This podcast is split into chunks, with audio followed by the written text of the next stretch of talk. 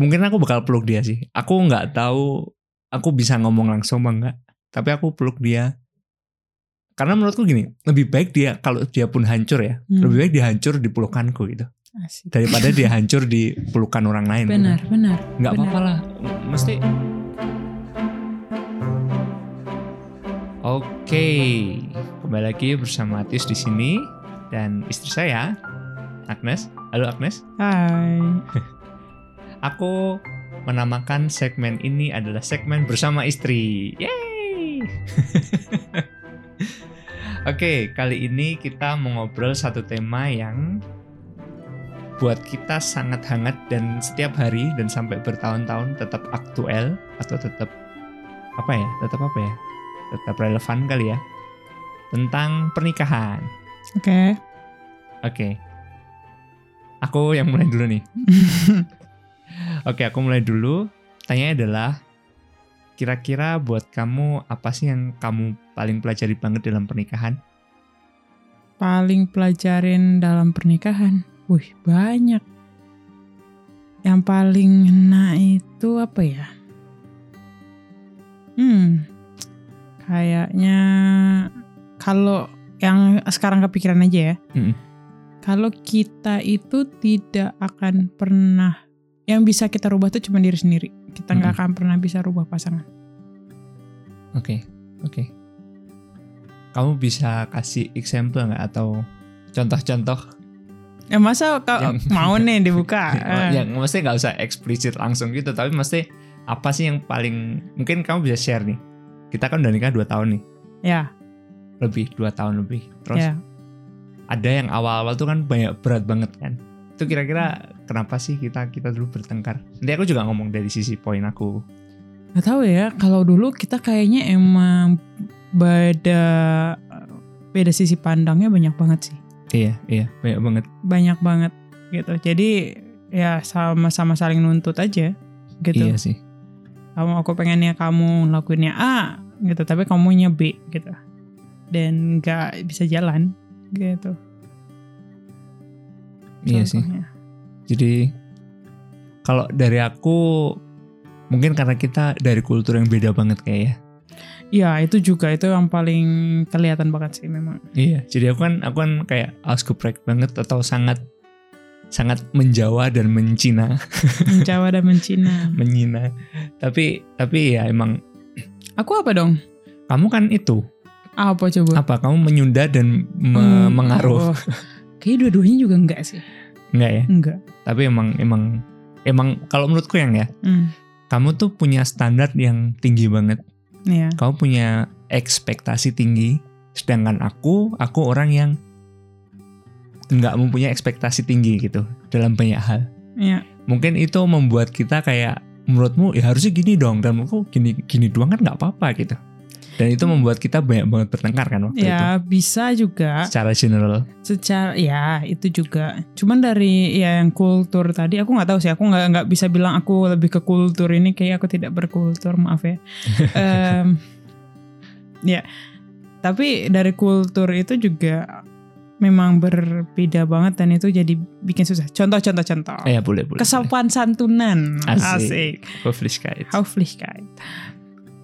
Kayaknya kalau kamu gimana ya? Kalau di Jawa tuh gimana tuh? Höflichkeit. eh, sopan santun tuh gimana? Kalau kita tuh setahu aku ya, Hmm. disclaimer mungkin ada yang nggak setuju dan setiap daerah beda, tiap keluarga beda. Tapi dari aku sih orang Jawa tuh biasanya kalau sungkan itu itu adalah bahasa atau cara komunikasi yang tidak diomongkan dan semua orang hampir tahu gitu.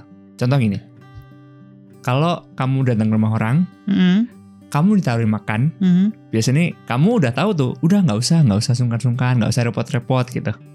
Padahal udah tawarin tuh, itu udah biasa. Oh nggak apa-apa kok, nggak apa-apa kok. Yang tuan rumah, tuan rumah bilang gitu kan. hmm, Tapi kalau emang bener orang itu makan, hmm. oh iya ya lapar banget nih gitu. Itu bisa jadi omongan juga itu. Dikasih makan tapi terus kalau terus-terusan gitu ya, itu bisa kayak ada istilah kayak geleman. Geleman tuh. apa? Geleman itu kayak gelem tuh artinya mau, Ya. geleman tuh artinya ini semua mau aja kayak nggak ada sumpan nggak ada sungkan-sungkannya gitu loh Oke. padahal kan ditawarin Iya. terus aku kalau bilang iya kan Iya, ditawarin kok gitu. Iya. Tapi memang memang memang memang udah aturannya gitu gitu. Oh, Oke. Gitu. Ya ya. ya. Itu contoh. contoh. Ya, em, mungkin kalau aku dulu di Indonesia, mungkin aku tipe yang bilang enggak dan tipe yang bilang eh, apa ya, terserah deh gitu lah. Karena dulu kan ke mana-mana selalu sama, sama papa mama kan. Iya. Nah, tapi setelah aku di sini tuh aku belajar tentang kultur yang baru yang membuat aku jadi juga kayak menjadi orang yang berbeda. Asik. Gimana? Eh, makanya harus sedikit hati-hati kalau ke Indonesia. Jadi kalau aku kalau ditawarin apa kalau aku memang tidak mau aku akan bilang enggak Mm-mm. gitu. Bahkan orangnya kalau misalnya bujuk-bujuk, ayolah nggak apa-apa nggak apa-apa dan aku kan tetap bilang enggak gitu. loh. Iya iya iya. Atau kalau ditawarin, ya aku kalau aku lagi mau ya aku bilang iya gitu. Makasih gitu loh. Iya iya. Hmm, jadi kayak waktu itu juga itu kayak kultur yang bikin aku sama kamu juga jadi sering gimana ya? Salah paham Iya. gitu loh. Iya sih. Iya iya betul. Gitu. Emang beda banget sih. Tapi kalau kita udah dua tahun ini perubahannya apa aja tuh? Kalau menurutmu Ya. kamu, kalau menurutku kita itu udah jadi lebih dewasa banget sih. Banget. Iya. Aku lebih dewasa dan kamu juga. Tapi yang menurutmu yang paling eksplisit kamu tadi kan bilang bahwa apa tadi kamu bilang menerima ya? Oh nggak bisa mengubah orang lain. Ya nggak bisa mengubah orang lain yang bisa kita rubah diri itu sendiri. diri sendiri. Iya. Oke. Soalnya kayak gini, aku tuh tipe yang kalau misalnya apa-apa pengennya direncanain, apa-apa maunya nggak suka yang spontan sebenarnya. Mm, mm, mm. Tapi ya eh, kamu tuh tipe yang spontan. Eh kita ke sini yuk, eh kita ngapain yuk, eh kita gini yuk. Dan buat aku kayak kok nggak direncanain, kok nggak dikoordinasiin, kok kalau ngajak teman tuh dipikir dulu gitu. Iya. Kalau aku tiba-tiba, kalau aku tipe yang kalau misalnya mau ngapain gitu sama teman-teman, ya aku rencanain dulu. Misalnya kamu mau ngajak teman ke sini, ya aku beres-beres rumah dulu. Rumah tuh harus rapih kalau orang datang. Rumah tuh harus bersih kalau orang datang. Kalau kamu tipenya ya udah kalau rumahnya kayak gitu ya datang-datang aja gitu. Dan itu waktu itu kayak bikin aku kayak ya nggak bisa gitu dong gitu loh. Masa mengundang orang terus kita eh, kasih yang nggak baik gitu loh. Yang dari sisi kita gitu ya. Benar. Kalau kita keliatin yang nggak bagus ya nggak, yang nggak Mm-mm. perfect gitu. Mm-mm. Gitu. Mungkin karena aku juga ada perfeksionisnya sih. Jadi Mm, aku mm. lebih kayak ini ini kok kayak gini. Oh, ini kok kayak gini gitu loh. Jadi nggak pas gitu. Dan kamu kan tipenya lebih simple-simple gitu. Eh, ini simple aja lah. Oh, ini simple aja lah. gitu. Mm-mm. Kalau aku kan pengen semuanya kelihatannya rapih juga. Misalnya eh, kalau kamu kan lebih ngeliat fungsi. Kalau aku kan juga ngeliat eh, ya lebih ngeliat kayak juga enak dipandang nggak gitu. Kalau kamu misalnya nyimpen kardus, kalau di Indonesia nyimpen kardus di atas lemari gitu ya, itu kan bisa-bisa aja orang ada tempat. Kalau aku langsung stres gitu. Ih, nggak ada tempatnya di situ, nggak kelihatan bagus kalau ada kardus di atas lemari. Simpen tuh di gudang gitu. Iya. Terus mungkin juga kalau setelah ini setelah perjalanan kita ini Hmm. dua tahun mungkin Hmm. aku juga belajar lihat kayak yang apa yang kamu bilang aku kayak aku kan kadang ya udahlah gini kan bisa gini kan bisa itu kayak membuat kesan buat kamu mungkin kok ini nggak niat sih gitu ya nggak sih kayak Iya, kok nggak iya. mau usaha sih gitu kan Mm-mm, benar. Eh, kayak ya udah hidup itu eh, seadanya aja nggak apa-apa gitu loh. padahal juga butuh untuk itu kan drive Iya, itu kan misalnya gini loh, ada situasi-situasi memang yang kita harus mensyukuri apa yang ada. Hmm, Tapi menurutku ada situasi-situasi yang memang kita bisa kasih yang lebih gitu loh. mm-mm. Dan ketika itu ya jangan bikin excuse dengan ya udahlah seadanya aja gitu. Aku kalau bisa ngundang orang ke rumah gitu. Contoh, contoh lagi. Iya. Misalnya ngundang orang ke rumah gitu. Ya udahlah yang ada aja makanan di rumah ya kalau adanya cuman ini ya eh, sediain ini aja gitu. Kalau nggak cukup ya udahlah gitu. loh.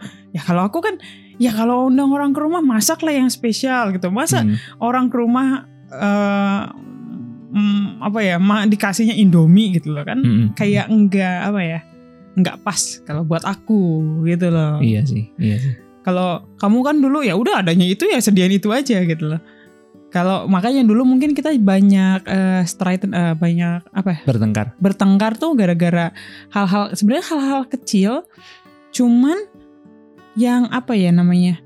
Karena saking kecilnya jadi kok gitu aja nggak ngerti sih. Dan banyak hal gitu loh. Kecil-kecil tapi banyak gitu Bener. kan numpuk gitu dan dan dan itu tuh yang kayak kok hal simple gini aja nggak ngerti sih?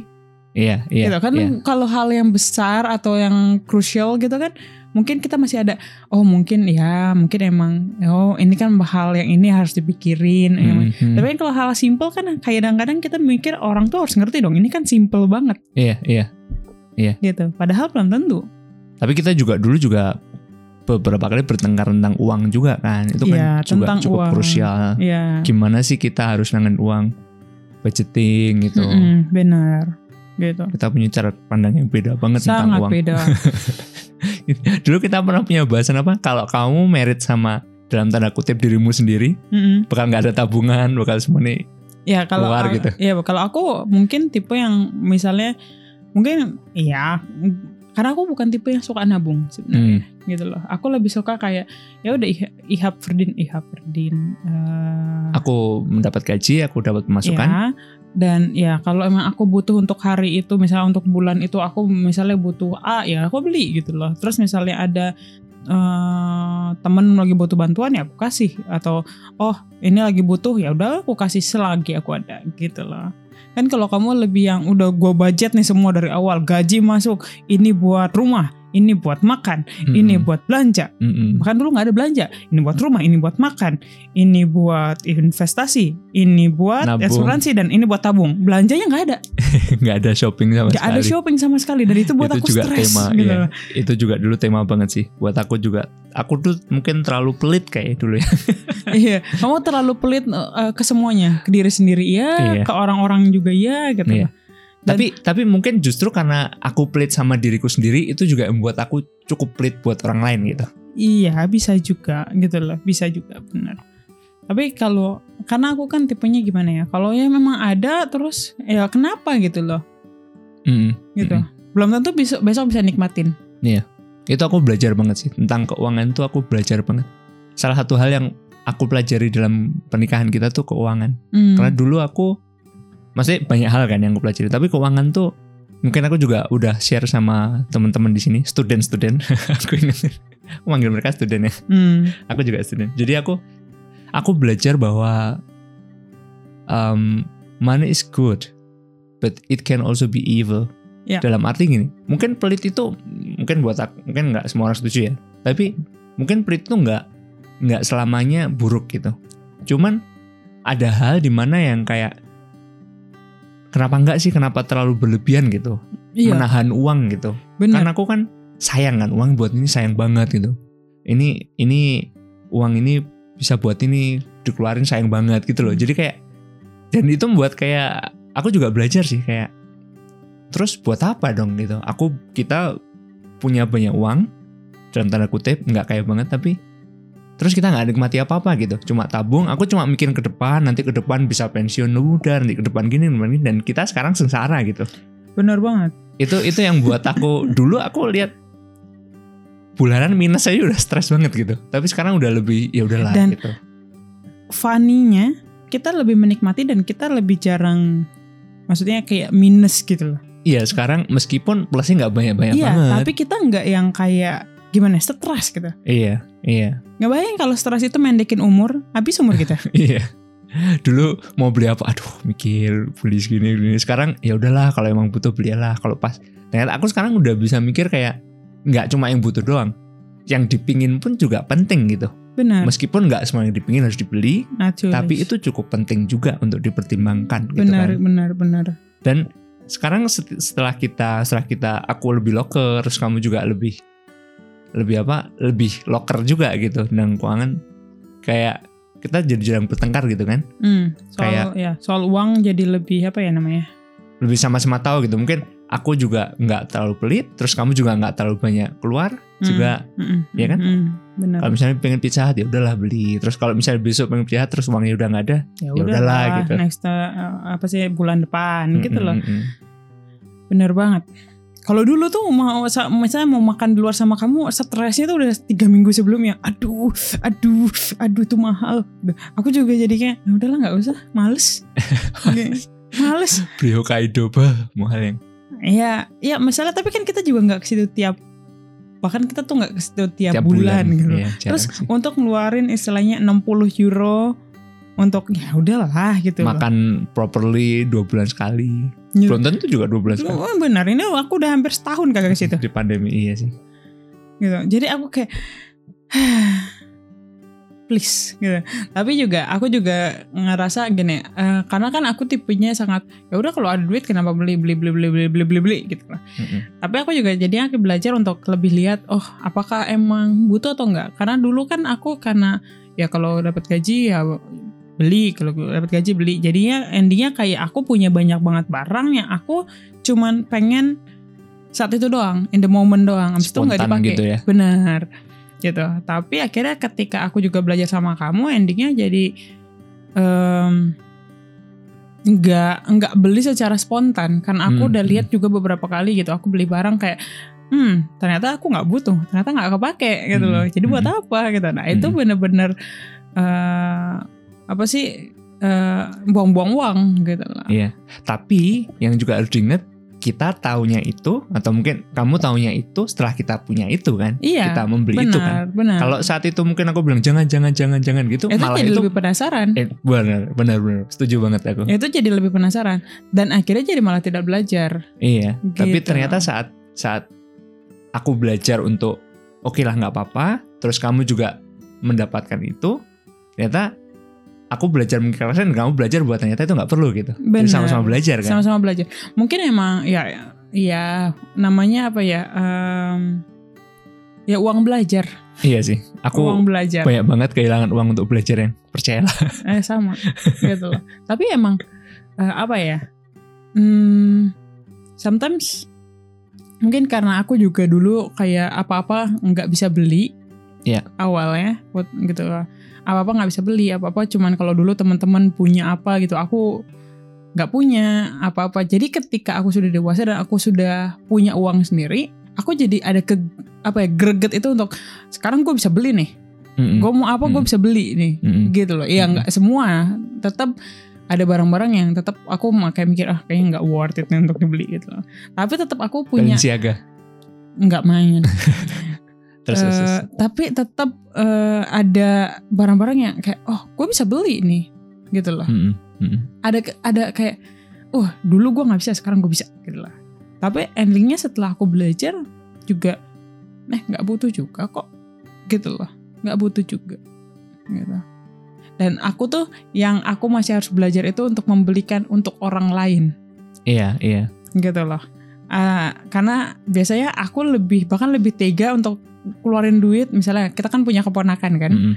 aku tuh bisa ngabisin kayak misalnya belanjain dia tuh bisa sampai mungkin eh, 100 euro gitu bisa sebulan Mm. bisa aku nggak beli apa-apa buat aku gitu dan aku bisa kayak belanjain dia sampai 100 euro bayangin anak umur 3 tahun 100 euro per bulan beli mainan dia apa segala macam dan ah, mungkin ada saat-saat yang mungkin aku harus belajar untuk ngerem untuk nggak Hmm. kasih gitu loh Mm-mm. Mm-mm. gitu Oke, oke, oke. Tapi kan nggak dipungkiri juga bahasa kasihmu kan sampai sekarang masih memberi kan, salah satunya Iya. ya gift. gitu Iya. makanya kayak karena gini aku tuh punya kayak kesenangan sendiri ketika aku tuh bahagia tuh ketika misalnya oh dia mau misalnya dia datang ke aku bilang onti eh kayak mau mainan A gitu loh Mm-mm. mau Lego misalnya Mm-mm. gitu ya udah bisa hari itu juga ayo kita beli Lego Kalau pas ada uangnya. Iya, tapi aku juga realistis ketika misalnya dia mau boneka gitu harga 45 euro. Ya aku lihat boneka harga 45 euro, aku bilang sama dia, ntar ya kita cari lagi. Ya kenapa aku harus beliin boneka harga 45 kalau aku tahu ada boneka harga 19? Mm-mm. Mm-mm. Yang sama dan dia juga nggak bisa bedain gitu, anak umur 3 tahun. Iya, iya. Bener gak? Gitu. Jadi aku tetap lihat-lihat gitu. Tapi tetap kayak aku tuh punya kebahagiaan tersendiri ketika aku bisa bikin orang yang aku sayang seneng. Bilang makasih. Oh, makasih ya. Iya, gitu loh. Contoh juga suami dibeliin baju nggak dipakai tuh rasanya gimana gitu. Iya. Maafkan saya. saya. ya, nanti aku Terus belanja terus sendiri. terus nggak dipakai, belum dipakai dibuang lagi. Eh iya, udah, udah kekecilan yang gue tahu bersama.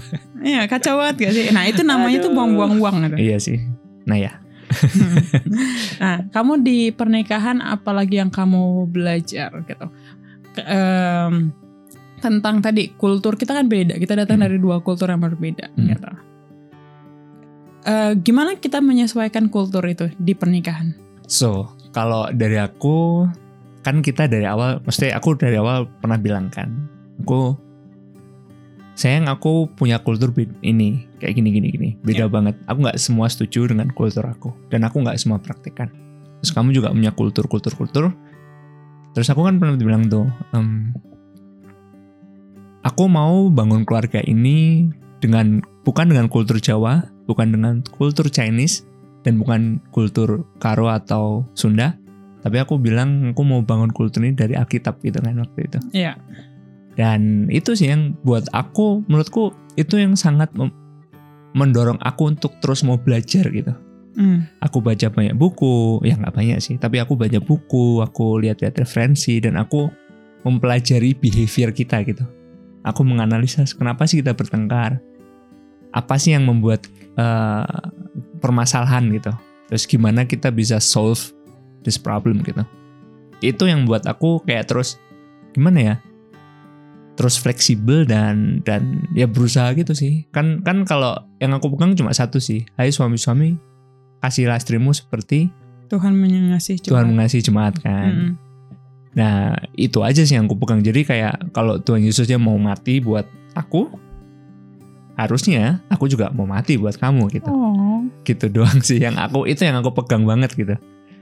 Dan nanti kalau misalnya aku punya anak juga firman Tuhan bilang hai bawa apa? Jangan jangan apa ya?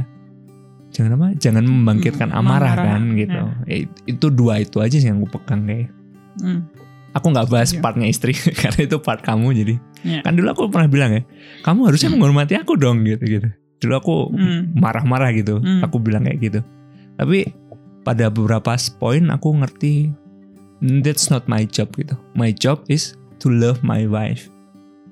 Kalau uh, dia meskipun dia nggak menghormati aku meskipun aku nggak merasa dihormati lah ya mungkin kamu menghormati tapi aku yang nggak ngerasa aja gitu Hmm, Bisa juga.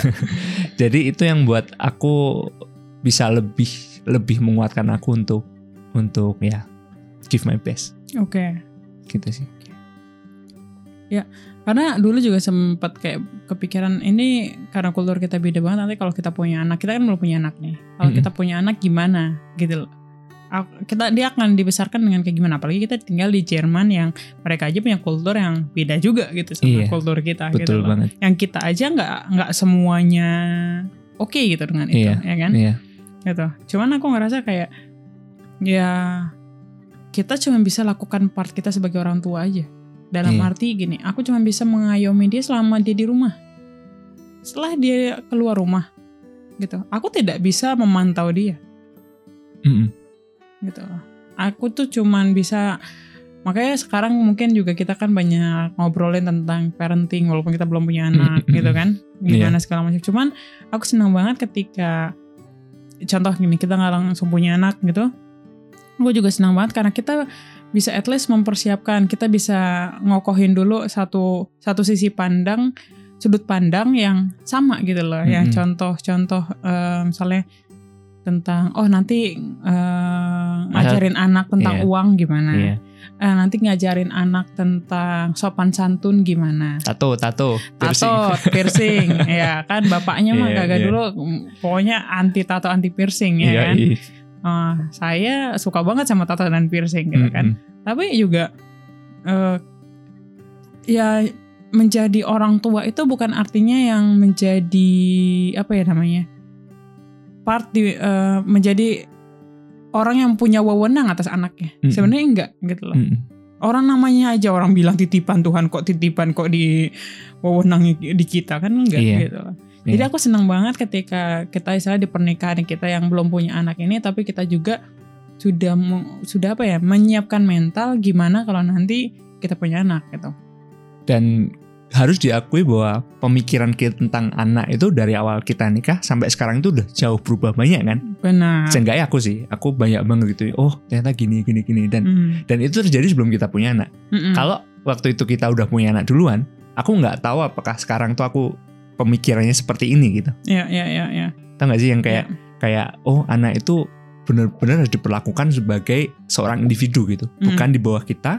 Kita membimbing dia, tapi sampai umur-umur tertentu aku kan pernah bilang kan, Ya, ya. nanti kita bilang sama dia, nak, kamu tuh udah besar dan kamu tuh mesti kita tuh udah aug augen hoye gitu apa Udah eye level. eye level kan ngomongnya. Heeh. jadi kalau kamu kamu harus bisa memutuskan sendiri dan aku nggak nggak bisa lagi kamu harus gini harus gini harus gini gitu tapi kalau kamu butuh eh, teman curhat butuh pendapat aku seneng banget kalau kamu kamu mau tanya. kalau tanya kamu masih percaya sama aku sebagai ayah kamu gitu kan Bener. Karena aku juga ngerasa kayaknya banyak anak-anak yang kalau udah ada masalah gitu keluar dari rumah misalnya anak udah nanti udah dewasa gitu Hmm. keluar dari rumah dan mereka kayak aduh males deh nanya sama orang tua gue Mm-mm. gitu loh. Paling mereka ngomongnya gini. Paling mereka Iya. ngomongnya gini. Iya. Dan aku tuh nggak- pengen banget menjadi orang tua yang seperti itu Mm-mm. gitu. Dan em, apa ya? Makanya mempersiapkan diri gitu. Bukan cuma materi Iya. gitu loh. Materi juga dibutuhkan. banget Tapi mental siap kalau misalnya anak gua nggak seperti yang gua ekspektasi oh ya itu juga itu juga pernah kita bahas sih betul betul gitu loh. Kalau tiba-tiba anak kita nggak sesuai dengan ekspektasi kita, gimana gitu? Mm. misalnya dia cowok terus gay Wah iya. misalnya dia cewek terus lesbi gitu kan kita kan Bener. pernah ngobrol itu Bener. wah itu ekstrim banget sih Kita orang percaya, Mm-mm. kita dari kultur yang tidak menerima itu. Iya. Bahkan di Alkitab pun tidak. Mm-mm. Mm-mm. Tapi gimana coba kalau kita punya gitu?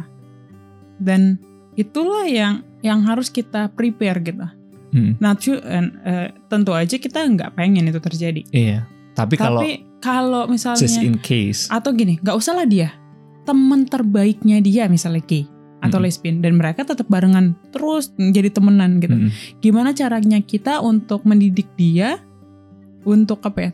untuk menyikapi itu gitu Untuk menyikapi itu. seenggaknya Benar gitu loh. Nggak usah dianya, misalnya temennya aja gitu. Mm. Oh, dia ternyata di sekolahnya apa di Jerman gitu. Di sekolahnya eh 20% temennya gay atau lesbian. Mm-mm. Ya, pasti kan dia terekspos dengan itu. iya iya Makanya aku bersyukur banget sih gitu loh. Kita punya kesempatan istilahnya untuk mempersiapkan diri kita. Hmm. Gitu. Ini ini tema terakhir lah ya karena udah 25 menit lebih tema terakhir nih kata Oke, kita ngomongin anak gay sama lesbian nih Iya. menurutmu nih kamu masih Iya. inget nggak dulu kita ngomongin menurutmu gimana kita menyikapi itu sebagai seorang ibu nanti sebagai seorang ayah aku akan ngomong Em, wah, jadi dia udah umur 12 nih ya. atau enggak lah 16 ya 16 16, 16, 16, ya. Menyikapi kalau misalnya dia tiba-tiba datang bilang I'm a gay gitu, or Mm-mm. I'm a lesbian. Mm, mm, Kalau aku, aku nggak akan judge. Mm. Aku nggak akan bilang, "Em, kamu nggak bisa seperti itu. Kamu nggak Mm. bisa. Aku tidak. Mungkin aku akan memilih lebih baik. Oke. Em, based what on what I believe, it's wrong. Based on Bible, mm, it's wrong. Mm. Based on our culture, it's wrong. mm. But aku akan tetap sayang sama kamu apa pun yang terjadi. Mm. Cause itu yang aku rasain ketika aku ketemu Tuhan Yesus. Mm, Apa yang aku lakuin wrong, nggak sesuai dengan Bible. Apa yang aku lakuin misalnya nggak menyakiti hatinya dia, mm. tapi dia tetap yang ada di situ tetap bilang I love you gitu loh. Iya. Dan aku cuma bisa kasih part itu. Mm. Part lain gimana ya? Itu cuma bisa Tuhan yang ubahin. Mm, gitu lah.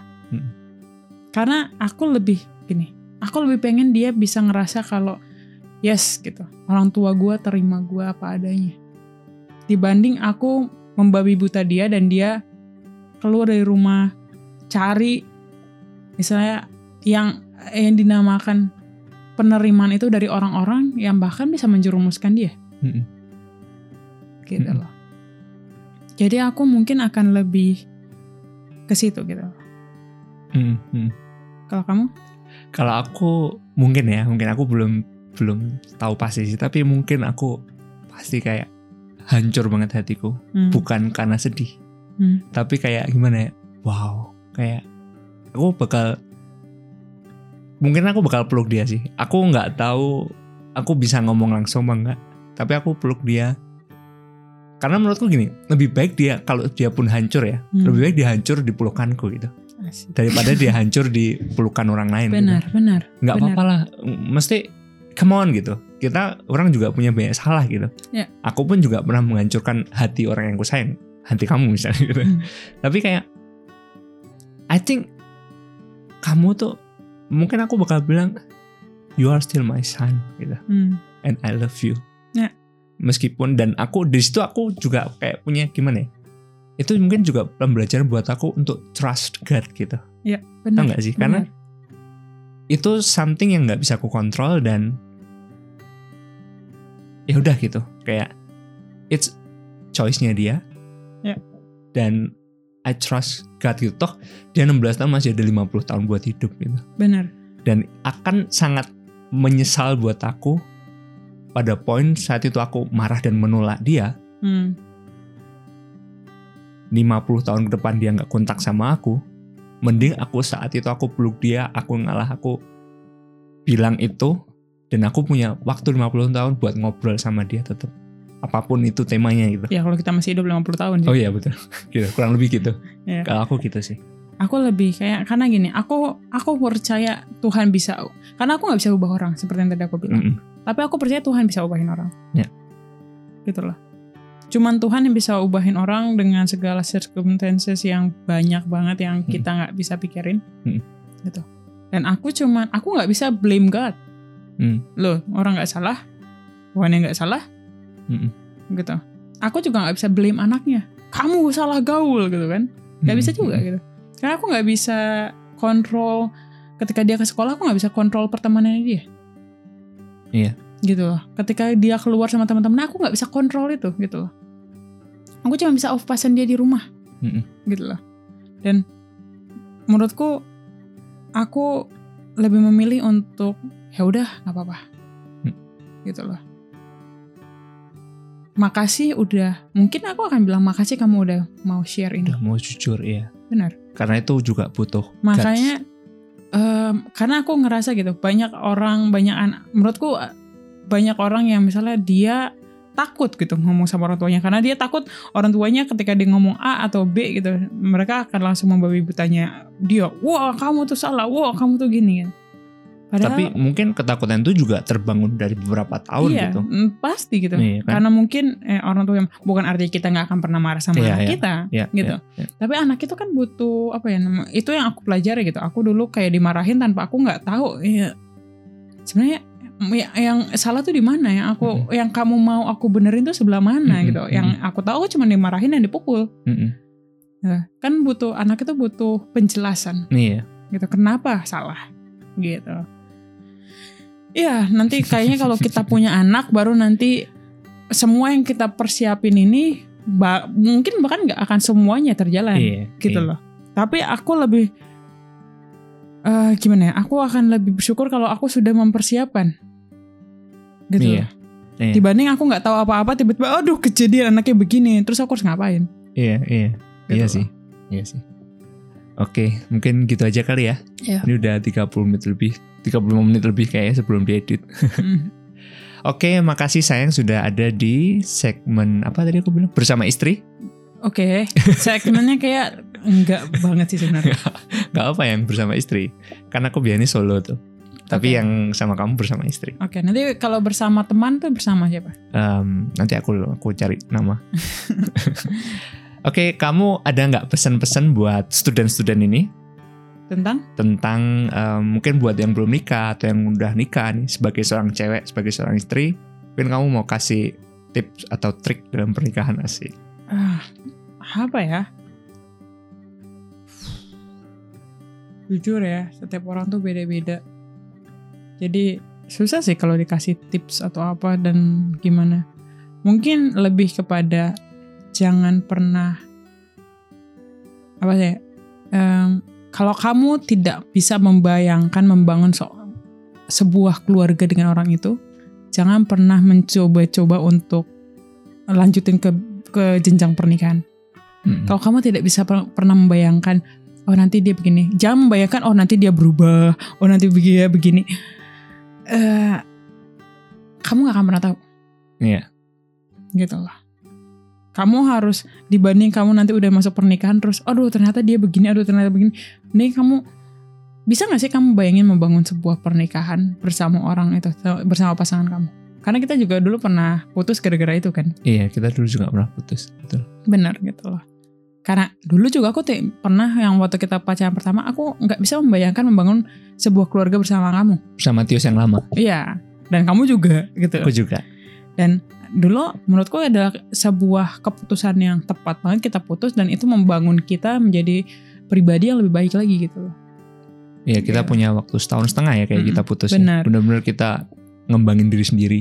Iya, Masing-masing. benar dan ya jangan pernah kayak berpikir aku mau bantuin dia menjadi orang yang lebih baik You will never know. kamu nggak bisa apa ya gini kamu nggak pernah bisa rubah manusia Agree. gitu loh aku mau di, aku mau dia menjadi manusia yang lebih baik. Lah ya kalau kamu mau dia yang enggak mau gimana? Gitu loh. I think that's also a very very apa ya kalau kalau dalam hal berjudi itu taruhan yang sangat buruk. benar. Karena kamu nggak akan pernah tahu. Yang kamu bisa siapin cuma diri kamu sendiri. Tapi kamu harus bisa lihat apakah pasangan kamu bisa nggak sih dia kamu bisa bayangin nggak dia menjadi seorang ayah kamu bisa bayangin nggak dia menjadi seorang suami kalau kamu nggak bisa bayangin itu jangan jangan melangkah deh ke, Hmm. bid- ke jenjang yang lebih serius lagi gitu loh Hmm, hmm. mendingan kamu perhitungin lagi gitu Terus kalau buat yang udah married nih, gimana nih?